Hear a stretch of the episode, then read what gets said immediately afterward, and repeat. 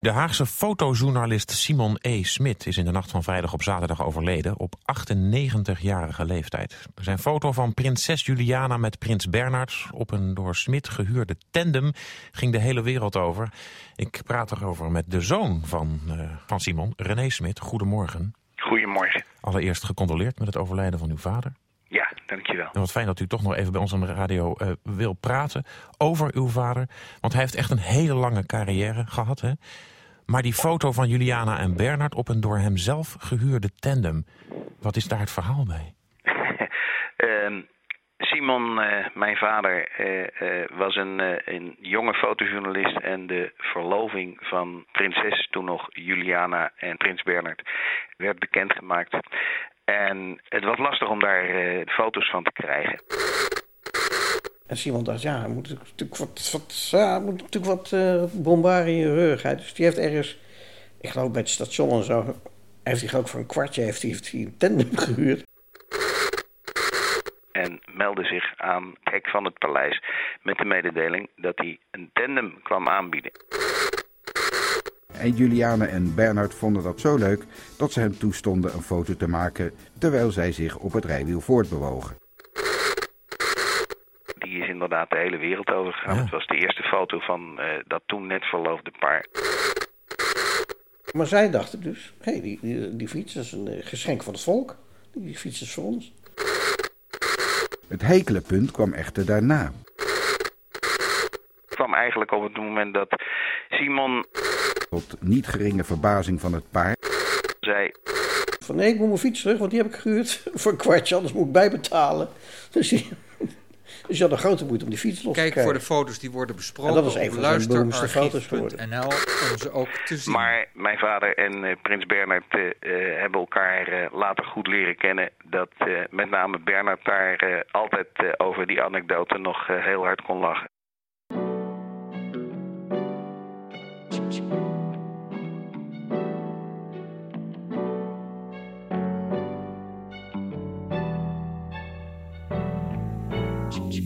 Tandem met Juliana en Bernard. Het verhaal dat iedereen kent. Behalve zoon René Smit hoorde je Michiel Steenwinkel van Omroep West, collega-fotograaf Ronald Speyer en radiomaker Hans Rauw. Maar hoe kwam Simon Smit op het idee? Eigenlijk door een foto die niet bestond. Hij zegt dat in 1978 in een interview met Kees Schilperoort, dat ik heb gevonden in de geklimatiseerde kelders van het Haags gemeentearchief. Dit is deel 3 van de serie Het Luisterarchief over de gevierde Haagse fotograaf Simon Smit. Als je de foto's die worden besproken ook wilt zien, klik dan naar hetluisterarchief.nl.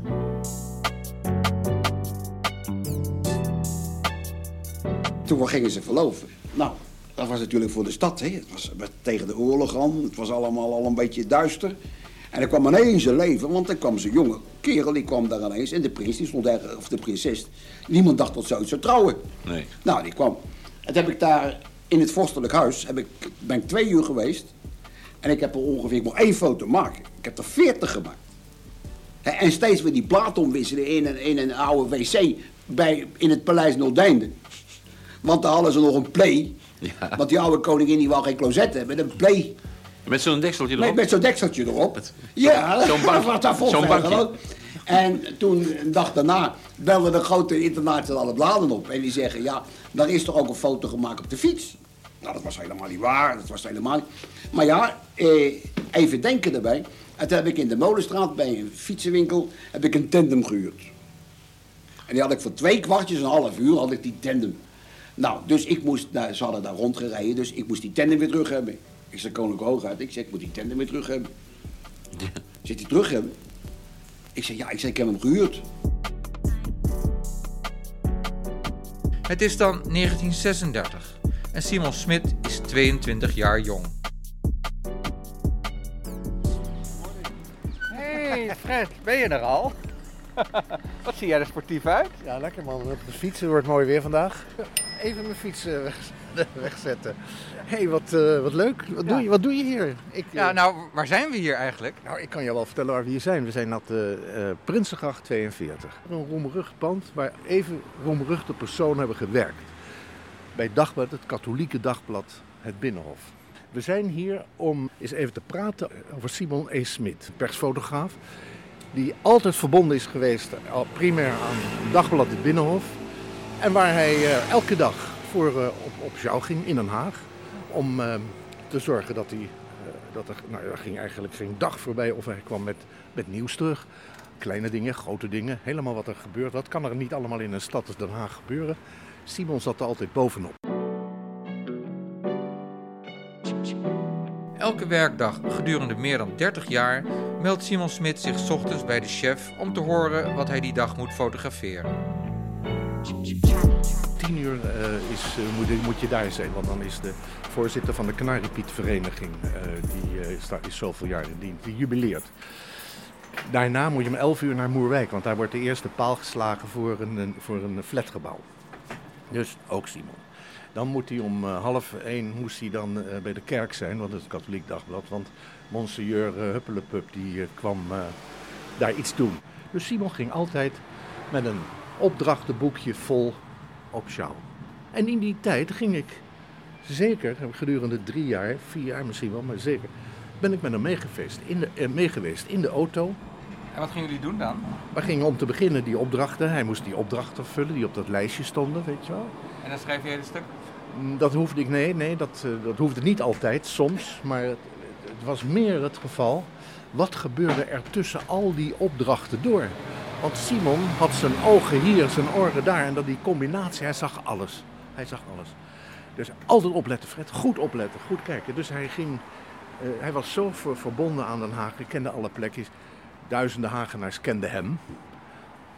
Bij de politie, bij het ziekenhuis, bij de hotels, bij de, nou noem maar op. Overal Simon Smit, voetbalvelden natuurlijk, ADO.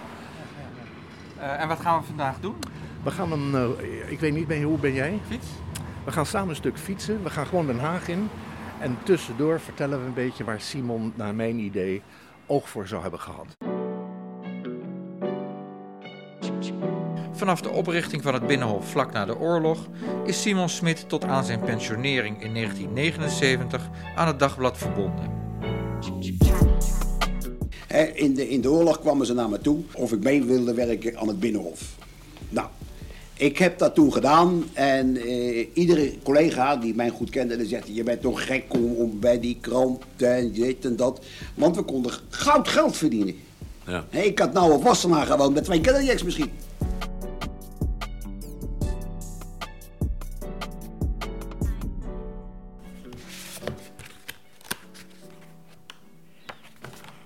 Hier 7 mei 1991 toen was die, uh, was die 16 zich natuurlijk niet ongebruikelijk. Heel veel opleiding zal hij ook niet uh, gehad hebben. Hij heeft gewoon in de praktijk het uh, vak geleerd van, uh, van een andere fotograaf. Je hoort de stem van Wim de Koning Gans, tot 2021 werkzaam als hoofd van de fotoafdeling van het Haags gemeentearchief. Hij is samensteller van het boek Den Haag, vertel mij wat, met foto's van Simon Smit, dat in 1996 is uitgekomen, tegelijk met een expositie in het stadhuis.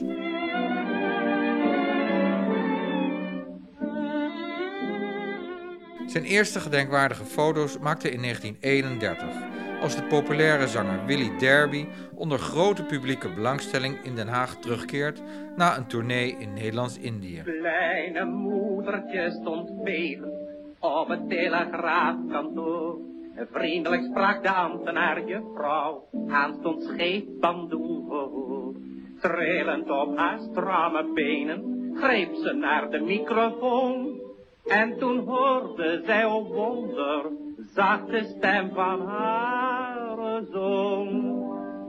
Hallo? In 1931 maakt Simon ook een foto van de begrafenis van toneelspeler Louis Bouwmeester junior. Waarvan de stoet zich tussen de mensenmassa's door, door de Wagenstraat heen wurmt. Simon brengt het tafereel van een hoog standpunt in beeld. Met een stukje bijenkorf en het daarachter liggende Scala Theater. Hier lopen een paar fotografen. Misschien dat hij sowieso niet genoeg accreditatie had of niet genoeg status om, uh, om zo uh, prominente plek te krijgen. En ja, als je ergens uh, tussen de mensen staat, dan kom je natuurlijk niet zo ver. Dus hij had waarschijnlijk een ja, bepaalde plek. Slim toch? Geregeld, ja, ja, absoluut. Op de foto zie je een deel van de luifel van het hotel, dat dan aan de andere kant van de Wagenstraat is gevestigd. Simon hangt klaarblijkelijk uit een kamerraam. Als jonge jongen, Simon is dan 17 jaar, weet hij zich al ergens binnen te praten voor de beste fotoplek. Een eigenschap waar Simon zijn hele fotocarrière plezier van zal hebben. Ja. En in het begin zit ook nog zelfs een foto van koningin Emma, de moeder van koningin Wilhelmina. Ja, ja, ja, goed, die leefde tot 1934, dus dat is precies in de, in de periode dat, uh, nog dat hij uh, net als beginnend fotograaf uh, rondliep. En dan zie je nog hoe makkelijk het koninklijk huis omging met, met het publiek. Ja. Want ze reed ja. in een calèche met twee mannen op de bok. Ja. En ze praat daar met een. ja. Ik heb later achterhaald dat het een collectante was van de Emma Bloem. Dus dat, toen ik dat bijschrift maakte, toen wist ik dat nog niet. Dus het is wel iemand die een bepaalde rol had. En ja, het zal ook op een bepaalde manier echt wel. Het is niet dat het zo'n zo moment zich toevallig aandient en dat er ook nog een fotograaf in de buurt is. Dat is natuurlijk wel uh, gewoon gearrangeerd van op dat moment. Dat dat gewoon gepland is, inderdaad. Uh. Maar het is niet alleen het Koningshuis dat foto's plant. Ook Simon Smit neemt al vroeg de regie in handen. nou, dit is zo'n foto waarvan ik denk, ja, die is, is in scène gezet. Ja, dit inderdaad de melkboer op straat op de Delftselaan, waar hij trouwens ook gewoond heeft. Dus ik vermoed wel dat, dat dit uh, ja, min of meer bij hem voor de deur was. Uh, ja, het is zo druk bij de melkboer dat dat kun je bijna niet voorstellen. Dat uh, als iemand dus de deur uitkomt en ziet dat er al zes andere vrouwen staan, dat hij dan toch nog probeert om ook meteen een flesje melk uh, uit het krat uh, te pakken, ja. zou je zeggen. Van, dan, uh... En het is vers getapt, hè? Want je ziet... er staat melkbussen, inderdaad, ja. Maar jij, jij hebt deze foto's gekozen, hè? Ja, ja. Wat waren jouw uitgangspunten? Nou ja, het is natuurlijk iets wat, wat nu niet meer, en ook ja, toen het boek uitkwam, ook al niet meer bestond. Van, van verkoop aan de deur. Nu is het meer bezorgen aan de deur natuurlijk. Maar goed, het boek is uit 1996.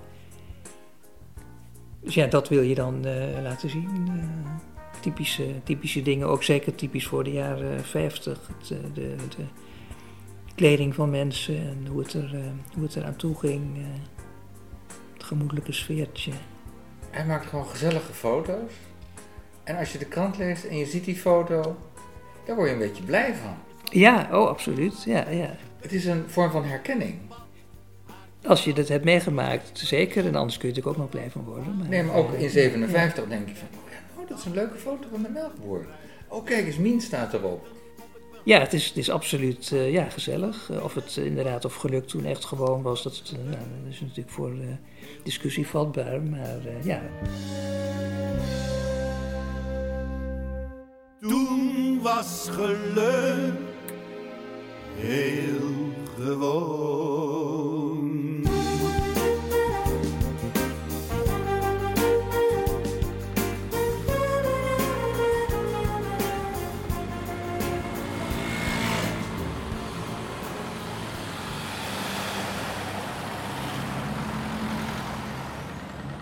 Waar zijn we nu, uh, Fred? Nou, we zitten nu Jan Hendrikstraat, bureau Jan Hendrikstraat. Dat was een heel voornaam politiebureau, want midden in de stad, waar natuurlijk van alles gebeurde aan gekke dingen, aan moeilijke dingen, tot diep in de nacht. Dus dat was altijd een heel druk bezocht, 24 uur per dag, uh, een uh, politiebureau. Dat is nu naar de overkant gegaan, maar hier, uh, nou, hier, hier werden ze binnengebracht. Dit, Want hier staat nu Gezondheidscentrum Jan Hendrik. En dan ging je met Simon naartoe? Even toen met Simon, want die, zei dan, die kende dan de wachtcommandant. Of die zei, uh, is er nog, hebben jullie nog iets? Uh, is er nog iets gebeurd? Ja, Simon, vannacht dat en dat. Oh. Nou, dan, dan, dan onthield hij dat, of dan gaf hij dan weer door aan de redactie. Tenzij het, tenzij het zo was dat hij uh, meteen zei, is die man, is die er nog? wat heeft hij gedaan? Nou, dan hadden we inbraak bijvoorbeeld. Maar waar? Nou, op de, noem maar wat, op de, in de Javastraat. Welk nummer? Nou, wist hij dat. Dus hij ging dan gelijk naar de Javastraat, dat, dat nummer. Want daar was nog onderzoek gaande, er was nog rumoer, er lag van alles op straat. Dus dat, op die manier had hij weer een, gewoon een nieuwtje. Hij was altijd aan het vissen, dus ja, een vliegende kraai vangt altijd wat. En dat gebeurde hier in Jan Hendrik. Dus leuk dat ik dit, ik heb dat niet eerder... eh, Maar dat gaven ze al, die informatie. Ja, ja, Simon was gewoon, eh, ja, een man die, eh, ja, die dat allemaal toevertrouwde. Hij kende natuurlijk iedereen. En dus iedereen wist ook dat, hij, dat het dan in de krant kwam. Maar diezelfde mensen hadden Simon natuurlijk ook nodig. Als zij zelf eens een keer een feestje hadden. Dat ze 25 een jubileum of iets anders. Nou, dan zeiden Simon, ik heb een groot jubileum. Oh, dan kom ik wel hoor, kom ik er foto's maken. En dan snap je, het was een wisselwerking. Zo, ja, zo kwam die krant niet alleen vol, maar...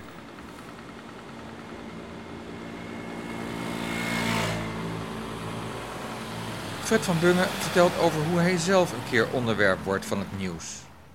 Hij heeft dan net een verhaal gemaakt in Wassenaar en is op de terugweg. Ik reed over de Rijksstraatweg. Ik had een gele Ami, Citroën Ami. En even voorbij waar je de dierentuin had, zat een bocht in de weg. En uit die bocht komt tegemoetkomend verkeer een auto en die crasht frontaal op twee auto's voor mij. Maar die ene auto raakt ook mij. Dus ik knal met mijn... Het is nog altijd zichtbaar hier. Klein is hier? littekentje hier. Wat is dat? Dus wat gebeurt er? Ik eh, sla met mijn stuur en ik raak gewond. Auto in baggels, maar ik overleef het. Dus ik denk, jezus, dus ik bel. Ik had een semafoon nog. Simon, zo zo het geval. Ik ben, eh, ik zit- ben bij een ongeluk betrokken. Ik bloed als een gek, kun je even komen? Dus Simon die komt, ja. Dan gaan we even naar het Westeinde ziekenhuis. Dus die scheurde vanuit eh, Mariehoeven, waar die woonde, van de Ursulaland, naar de Rijksstraatweg. nou ja, hij bracht mij niet eerder dan naar het ziekenhuis, omdat hij eerst dat hele ongeval in beeld had gebracht.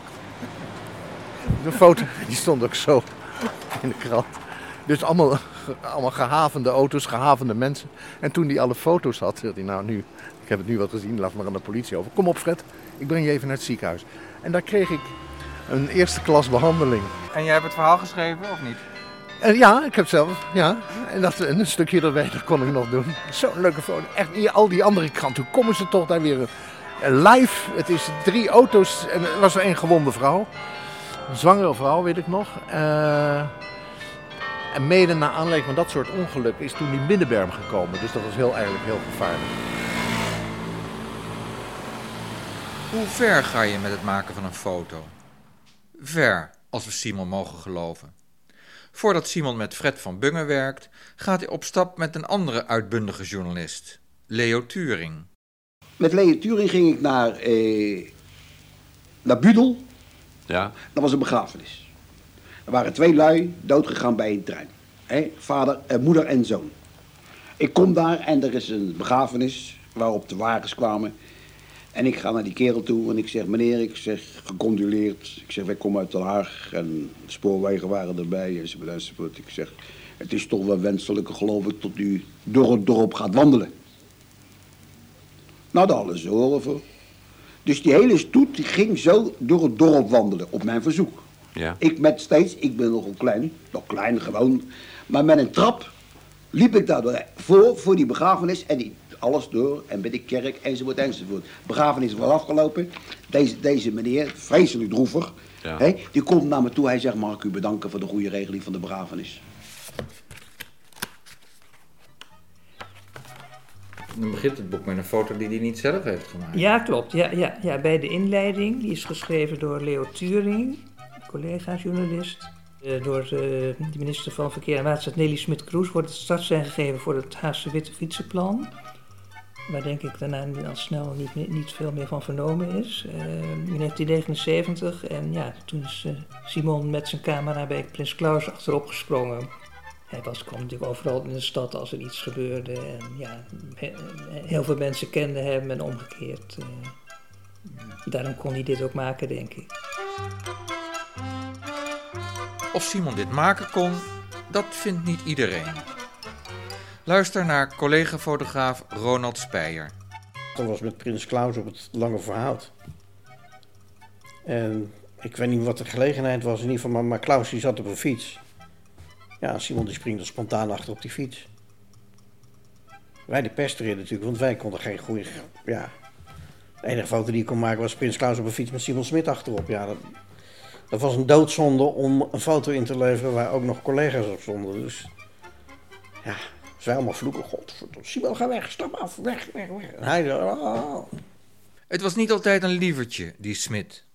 Zo vertelt Fred van Bungen dat hij soms op gelegenheden met andere fotografen heel snel zijn plaat schiet. En dan luid roept: Hartelijk dank, excellentie. Die loopt dan weg, terwijl zijn fotograferende collega's misschien nog niet een goed beeld hebben gemaakt.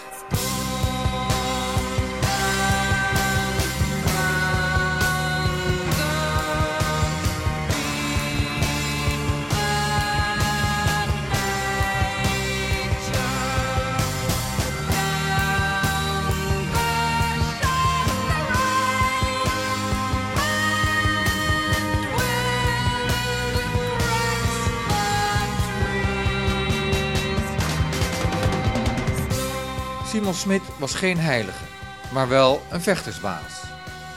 En dat vechten deed hij niet alleen voor zichzelf, ook voor zijn stad Den Haag, die hij in zijn tijd ziet verdoederen. Nou wordt er gezegd, ja, daar is beton. Eh, ik ben met een hoop dingen niet eens. Kijk eens hoe ze Scheveningen vernield hebben. Ik doe dat gewoon zeggen. Dat is een badplaats altijd van allure geweest.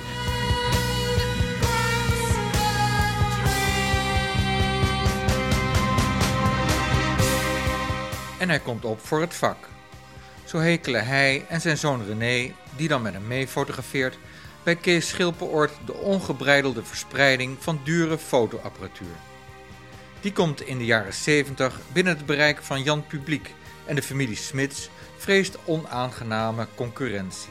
Wat heel veel gebeurt natuurlijk, is dat er mensen met een, met een, met een minimum aan, aan professionele kennis de meest uitgebreide camera's eh, kopen waar ze nauwelijks mee overweg kunnen. Hè, die lopen dan met zulke toeters, met, met bodies, met verschrikkelijk zware motoren eronder, waar, waar die film met door wordt gespoeld. De mensen hebben er niks aan, maar ze kunnen op dat moment het geld uitgeven en ze hebben het ervoor over, want het staat zo goed. Want er komt wel iets op de markt op het ogenblik. Er komt verschrikkelijk veel op de markt. We maken even een uitstapje naar een reclame uit die tijd voor Kodak Instamatic, die met het klikken en klaar principe de tegenaanval inzet. Geef mij maar een Kodak cadeau, Kodak cadeau, Kodak cadeau. Je hoort Kees van Koten en Wim de Bie, die hun sketch misschien wel voor een deel op Simon Smit hebben geënt. Fotograferen met Kodak Instamatic, iedereen kan het. En als we een deskundig oordeel over deze probleemloze camera willen hebben, bij wie kunnen we ons oor dan beter te luisteren leggen dan bij topfotograaf Daan Hoijkaas? Uh, uh, incorporated, hè? Starfotografer Daan, mode, sport, uh, politiek, buitenlandse staatshouden, bruidsparen, zonsondergangen, wilde dieren, huisdieren, kortom, Hoijkaas voor prijswinning platen, gebruikt uitsluitend Kodak materiaal. nou Daan, we Kodak. weten nu gelijk wel zo ongeveer wie jij bent. Ja. Hier naast mij zit een zwart-wit glanzende, kleurrijke figuur, dames en heren, die beslist meer is dan zomaar een beroepsfotograaf. Uh, ik ben de fotografie, de camera, Ja. het oog, de lens. Ja. De lens. En ken jij nou de Kodak Instamatic, Daan? Ik heb er eh, 24. Zo. Je ziet hier misschien al die lusjes eh aan mijn jek. Ja. Nou, als ik op scope ga, dan hangt er aan elk lusje één geladen schietklare Kodak Instamatic. Is even wennen met lopen. In het begin heb ik nog wel eens een lelijke smakker gemaakt. Als ik naast een koets moest meehollen of zo, mijn prenten schieten. Maar nou beweeg ik me heel gemakkelijk, lichtvoetig. En het is dus uitgesloten dat ik niet met de meest fantastische foto's thuis kom. Ja, eh, je werkt dus uitsluitend met de Kodak Instamatic, Daan? Eh, nou nee, kijk, voor de blitz en om mijn prijs een beetje waar te maken natuurlijk, hangen er altijd een paar Japannetjes om mijn hals met van die zoomlens als eh, rioleringsbuizen, die ken je wel. Dat zijn natuurlijk wel leuke dingen, maar rekenen is nooit mijn sterke punt geweest. En ja, als je haast hebt en je moet snel instellen, optellen, aftrekken, diafragma, sluitertijdje enzovoort, ja, dan pak ik toch even stiekem eh, de Kodak Instamatic natuurlijk. Voorkomen probleemloos fotograferen, joh. Ja, Geef mij maar een Kodak cadeau, Kodak cadeau, Kodak cadeau. Ik, wat ik erg vind, is dat het amateurisme zo zegeviert. Ik vind dat het amateurisme er is, vind ik niet erg. Maar het verdringt de goede fotograaf. Simon kan het weten, want hij is opgegroeid met de Speed Graphic. Zo'n enorm bakbeest van een camera met een balg en een grote flits die je de paparazzi in zwart-wit films ziet torsen. Daar moet je alles handmatig op instellen.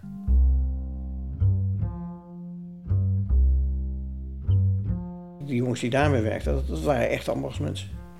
Want gingen ze naar, naar een, voetbalwedstrijd, nou, zeg maar voor de mensen nu een Ajax Feyenoord. En dan kregen ze, kregen ze drie cassettes mee met zes opnames. En dan, mochten ze, moesten ze dus één, één negatief moesten ze dus niet, mochten ze niet gebruiken. Voor het geval van het stadion naar de kant als er iets gebeurde, kon je nog een foto maken. Dus je had eigenlijk maar vijf opnames, of vier opnames, van die hele wedstrijd. Nou, als je dan eens kijkt naar dat oude materiaal. Ze hebben allemaal de, de bal in het net hangen, ze hebben allemaal het moment voor het doel. Dat is echt geweldig. En nu zitten de jongens, uh, ja, die zitten daar met, met een camera die, uh, die 30 beelden per seconde maakt. En uh, van elke aanval maken ze 300, 400 opnames. Ja, daar zit altijd wel een foto tussen. En nu weet je dus wat het betekent om in de play van Paleis Noordeinde, zoals je eerder hoorde, films te moeten wisselen. In een cassette gaan twee vlakfilms van 10 bij 12,5 centimeter.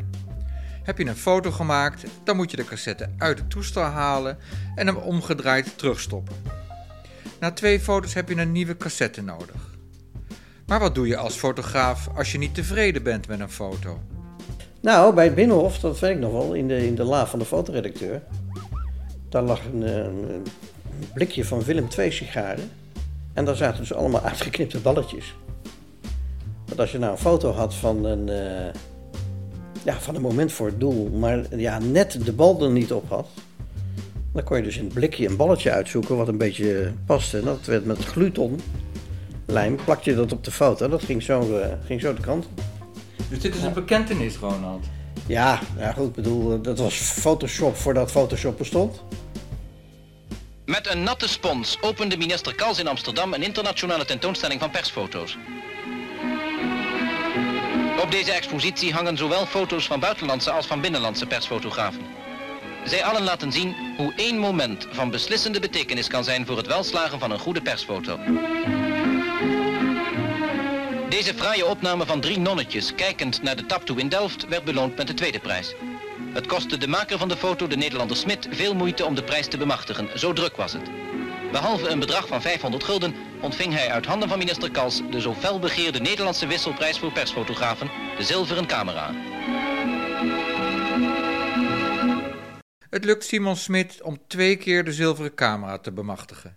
In 1955 en in 1957.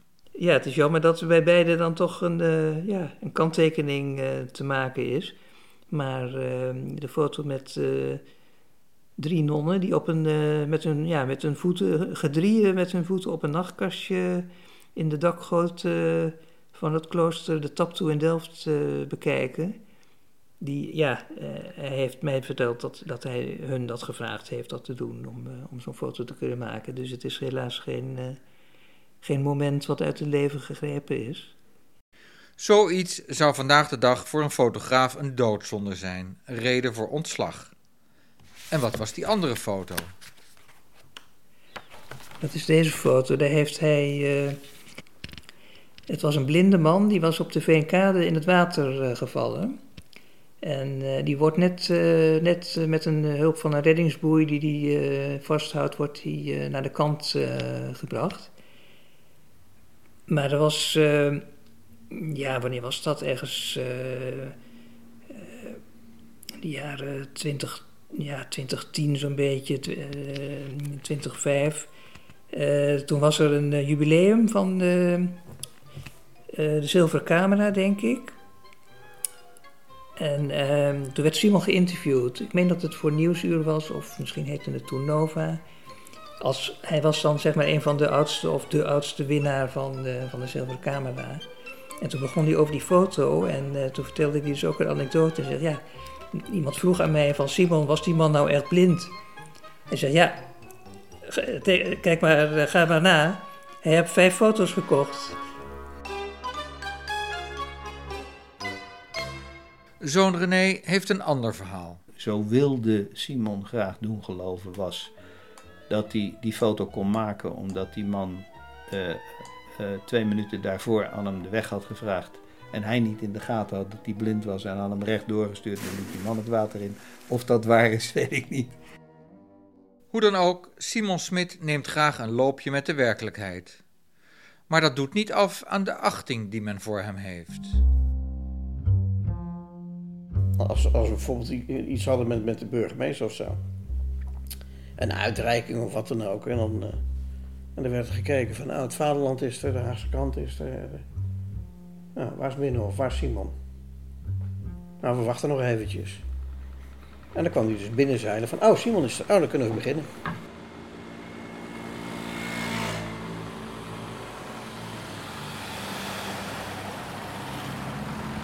We, we- we komen hier twee fotografen tegen op het Binnenhof. Met eh, aan elke zijde een camera. En we vragen, kennen jullie Simon Smit? Ja, een hele bekende naam. En er doen heel veel bellen die gaan, eh, gaan rinkelen inderdaad. En ik ken wel heel veel eh, oudere Haagse fotografen. eh, Jacques Meijer, Theo Meijer. eh, eh, ja, en ik, vind, ik, ik, ik interesseer me ook echt heel erg veel voor, voor, voor oudere fotografie, zeker uit Den Haag. En zeker ook van het Binnenhof hier. Eh, dat verzamel ik zelfs ook een beetje. En ehm, dus eh, ja, Maar, maar je gaat nu iets doen wat heel erg van deze tijd is. Oh, om even op te zoeken. Ja, ik was hem even aan het googelen, ja. Precies. Ja, ik heb geen boekenkast bij me helaas, nee. ik, ga er, ik ga er nu naar op zoek. Ja. Oké, eh, heb jij hem al gevonden? Ik heb hem gevonden, ja. Maar ik moet eerlijk bekennen dat ik als import Hagenees niet, eh, niet heel erg bekend met zijn werk Maar je ben. bent welkom hoor, in Den Haag. Kijk, dat is heel sympathiek. Maar, maar jij bent een Haagse fotograaf, wat is je naam? Bart Maat. En ik fotografeer voor het ANP hier eh, veel op het Binnenhof.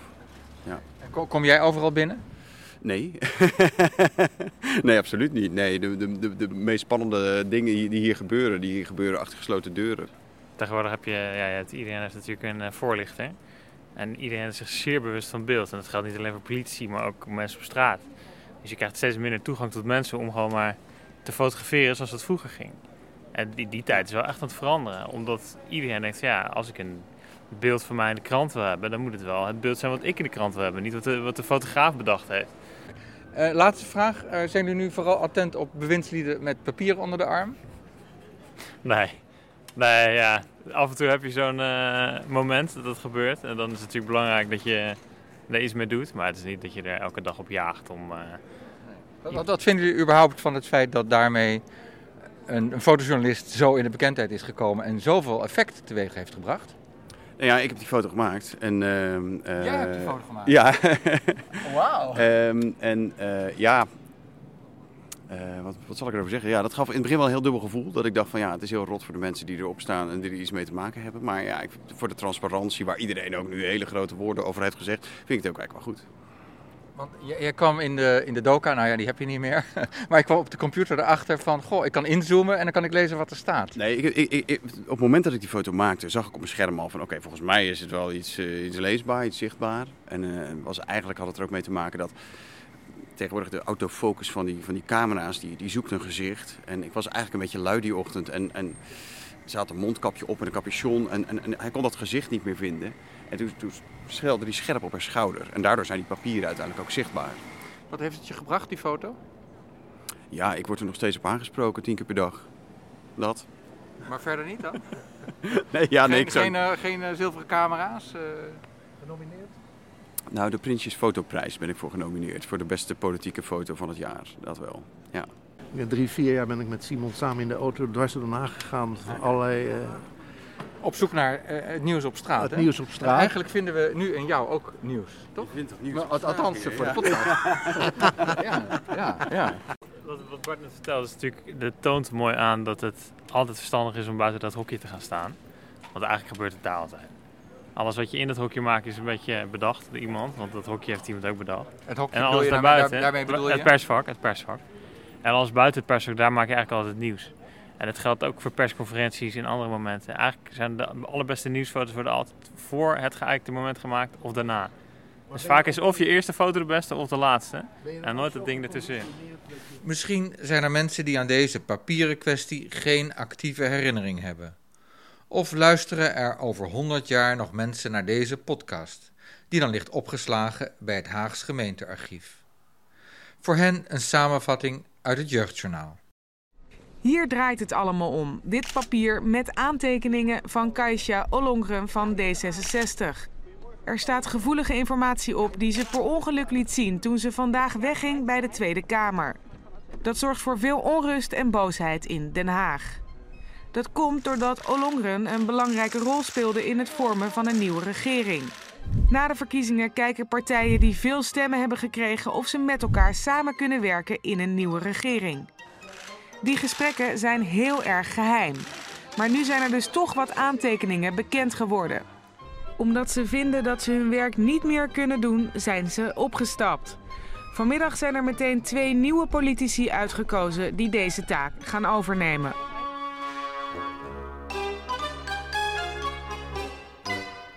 Bart Maat en Freek van den Berg, de fotografen die we net spraken, zullen een formele opleiding hebben gehad in het vak. Al had Simon Smit die scholing waarschijnlijk niet, hij verleende wel graag zijn medewerking aan het onderwijs. Je had uh, in de Jan van Hasselstraat had je de fotovakschool. En daar had je nog de, zeg maar, de richting fotojournalistiek. Als je dus fotojournalist wilde worden en je wilde aansluiten bij de NVF, dan moest je examen doen. En die examens gingen in die tijd dat uh, zeg maar de, de eindexamenklas die werd ergens neergezet. En dan was er dus ineens zogenaamd brand. En dan kwamen de brandweerauto's en allerlei toestanden. Ja, en dan was het gewoon van uh, ja, opletten, fotograferen. En daarna moest je film ontwikkelen, dan moest je afdrukken maken. En dan werd het beoordeeld door een commissie. Of je wel had opgelet, of je wel een foto had gemaakt die beschikbaar was voor de krant.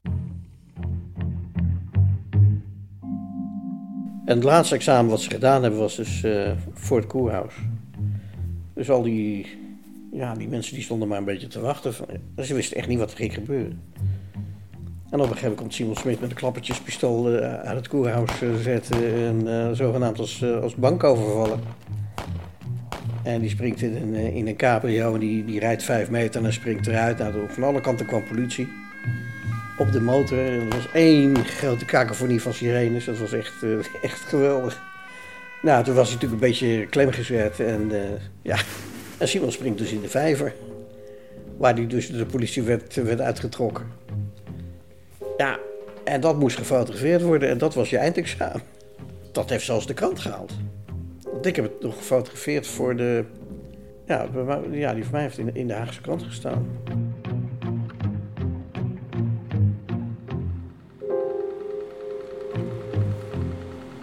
En als we toch op Scheveningen zijn...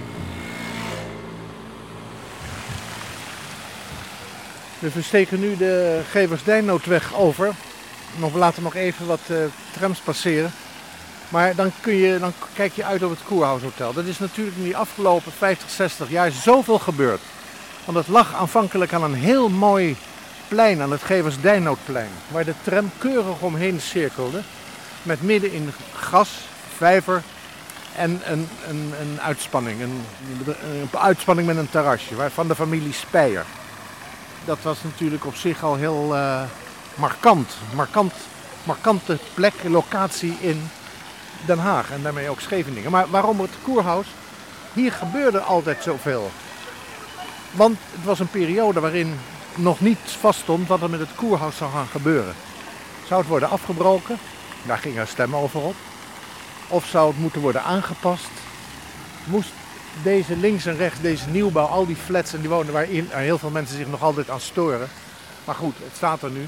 En ik geloof best dat er over misschien 20, 25 jaar dat het echt wordt afgebroken. Dan komt er weer ruimte. Wie in die tijd nauw betrokken is bij de plannen voor de make-over van Scheveningen, is de omstreden projectontwikkelaar Reinder Zwolsman. Hij is dan eigenaar van onder meer het Koerhuis en het Circustheater, die beide betere tijden hebben gekend. Die Zwolsman wil zijn verhaal vertellen aan het Binnenhof. De hoofdredacteur stuurt Simon en Fred erop af. En die zegt tegen Simon, jij kent Scheveningen goed, ga je met Fred daar naartoe. Solsman wilde jullie spreken, vannacht of vanavond. Dat was in Villa Vreugd en Rust in Wassenaar. Maar in Voorburg heb je er ook eentje die zo ja. heet. Maar deze was in Wassenaar. Nee, je hebt Rust en Vreugd en Vreugd en Rust. Oh, dan was het Rust, Rust en Vreugd in Wassenaar. Ja. Zeg dat even dan. Nou, in Wassenaar was het Rust en Vreugd. En in Voorburg heb je Vreugd en Rust. Dus wij gingen naar dat uh, paleis, of dat grote villa van hem.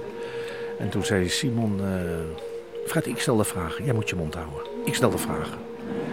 Ik zeg, ja, maar ik, nee, hij zegt, je moet er pas in als je echt hoort dat ik iets mis of dat ik iets niet weet. Of dat ik iets, dat ik, dat ik er niet uitkom of zo. Hij dan, dan spring jij in. Maar jij was de journalist. Ja, maar daar had hij een bedoeling mee.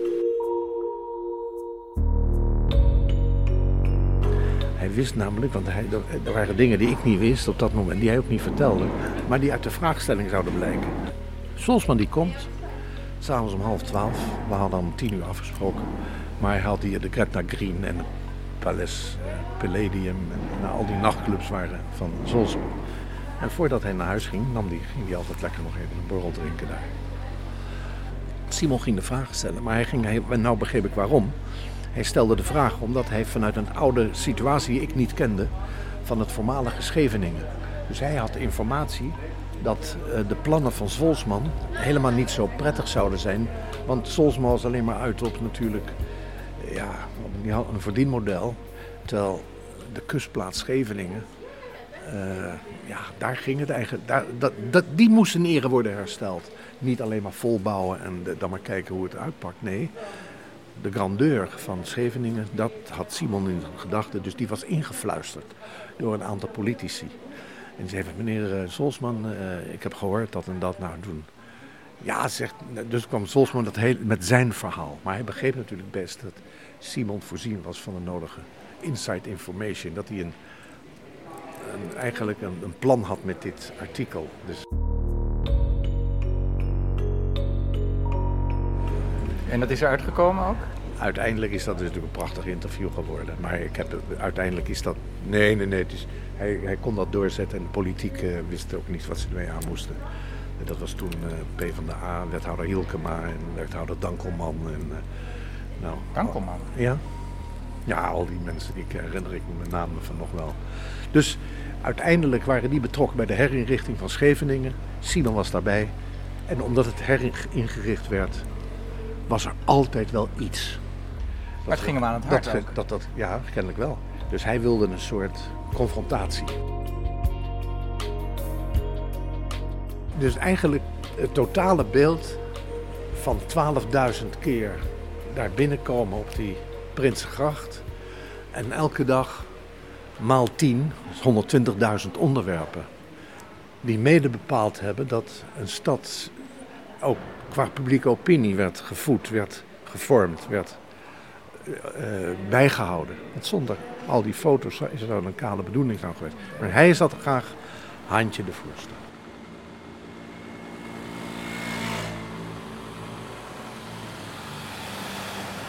Simon was niet alleen de fotograaf. Simon maakte een verhaal, zocht uh, onderwerpen op, maakte het verhaal daaromheen. Vertelde dan ook tegen de journalist die met hem mee was, zoals bijvoorbeeld Fred van Bungen of eerder Leo Turing, uh, hoe, hoe het verhaal in de stijgers gezet moest worden. En liet dat dan vervolgens aan de schrijvende journalisten over en maakte daaromheen zelf de platen. Maar hij maakte dus meer dan alleen de foto.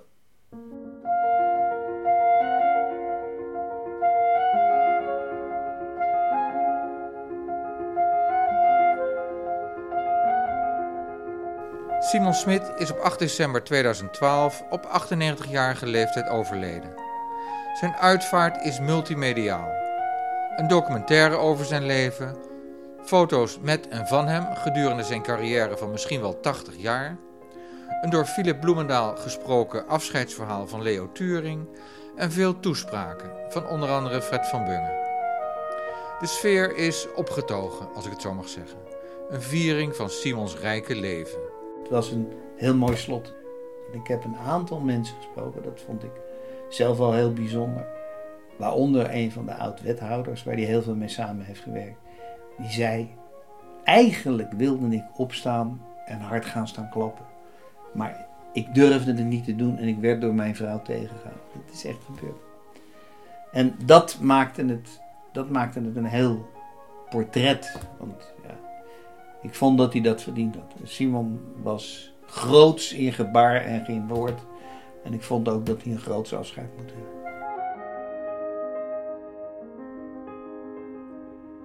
De persfotograaf en de fotojournalist is in staat tot alles te doen. Ja, dan En moet je daarom zijn. blijf ik volhouden.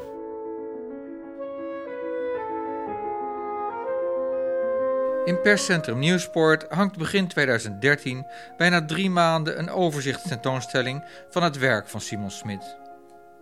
Het Haags gemeentearchief beschikt over meer dan 600 foto's door Simon Smit, die je in het archief zelf kunt bekijken. Dit was deel 3 van het Luisterarchief. Bedankt voor het luisteren. Wil je je abonneren? Klik dan naar hetluisterarchief.nl.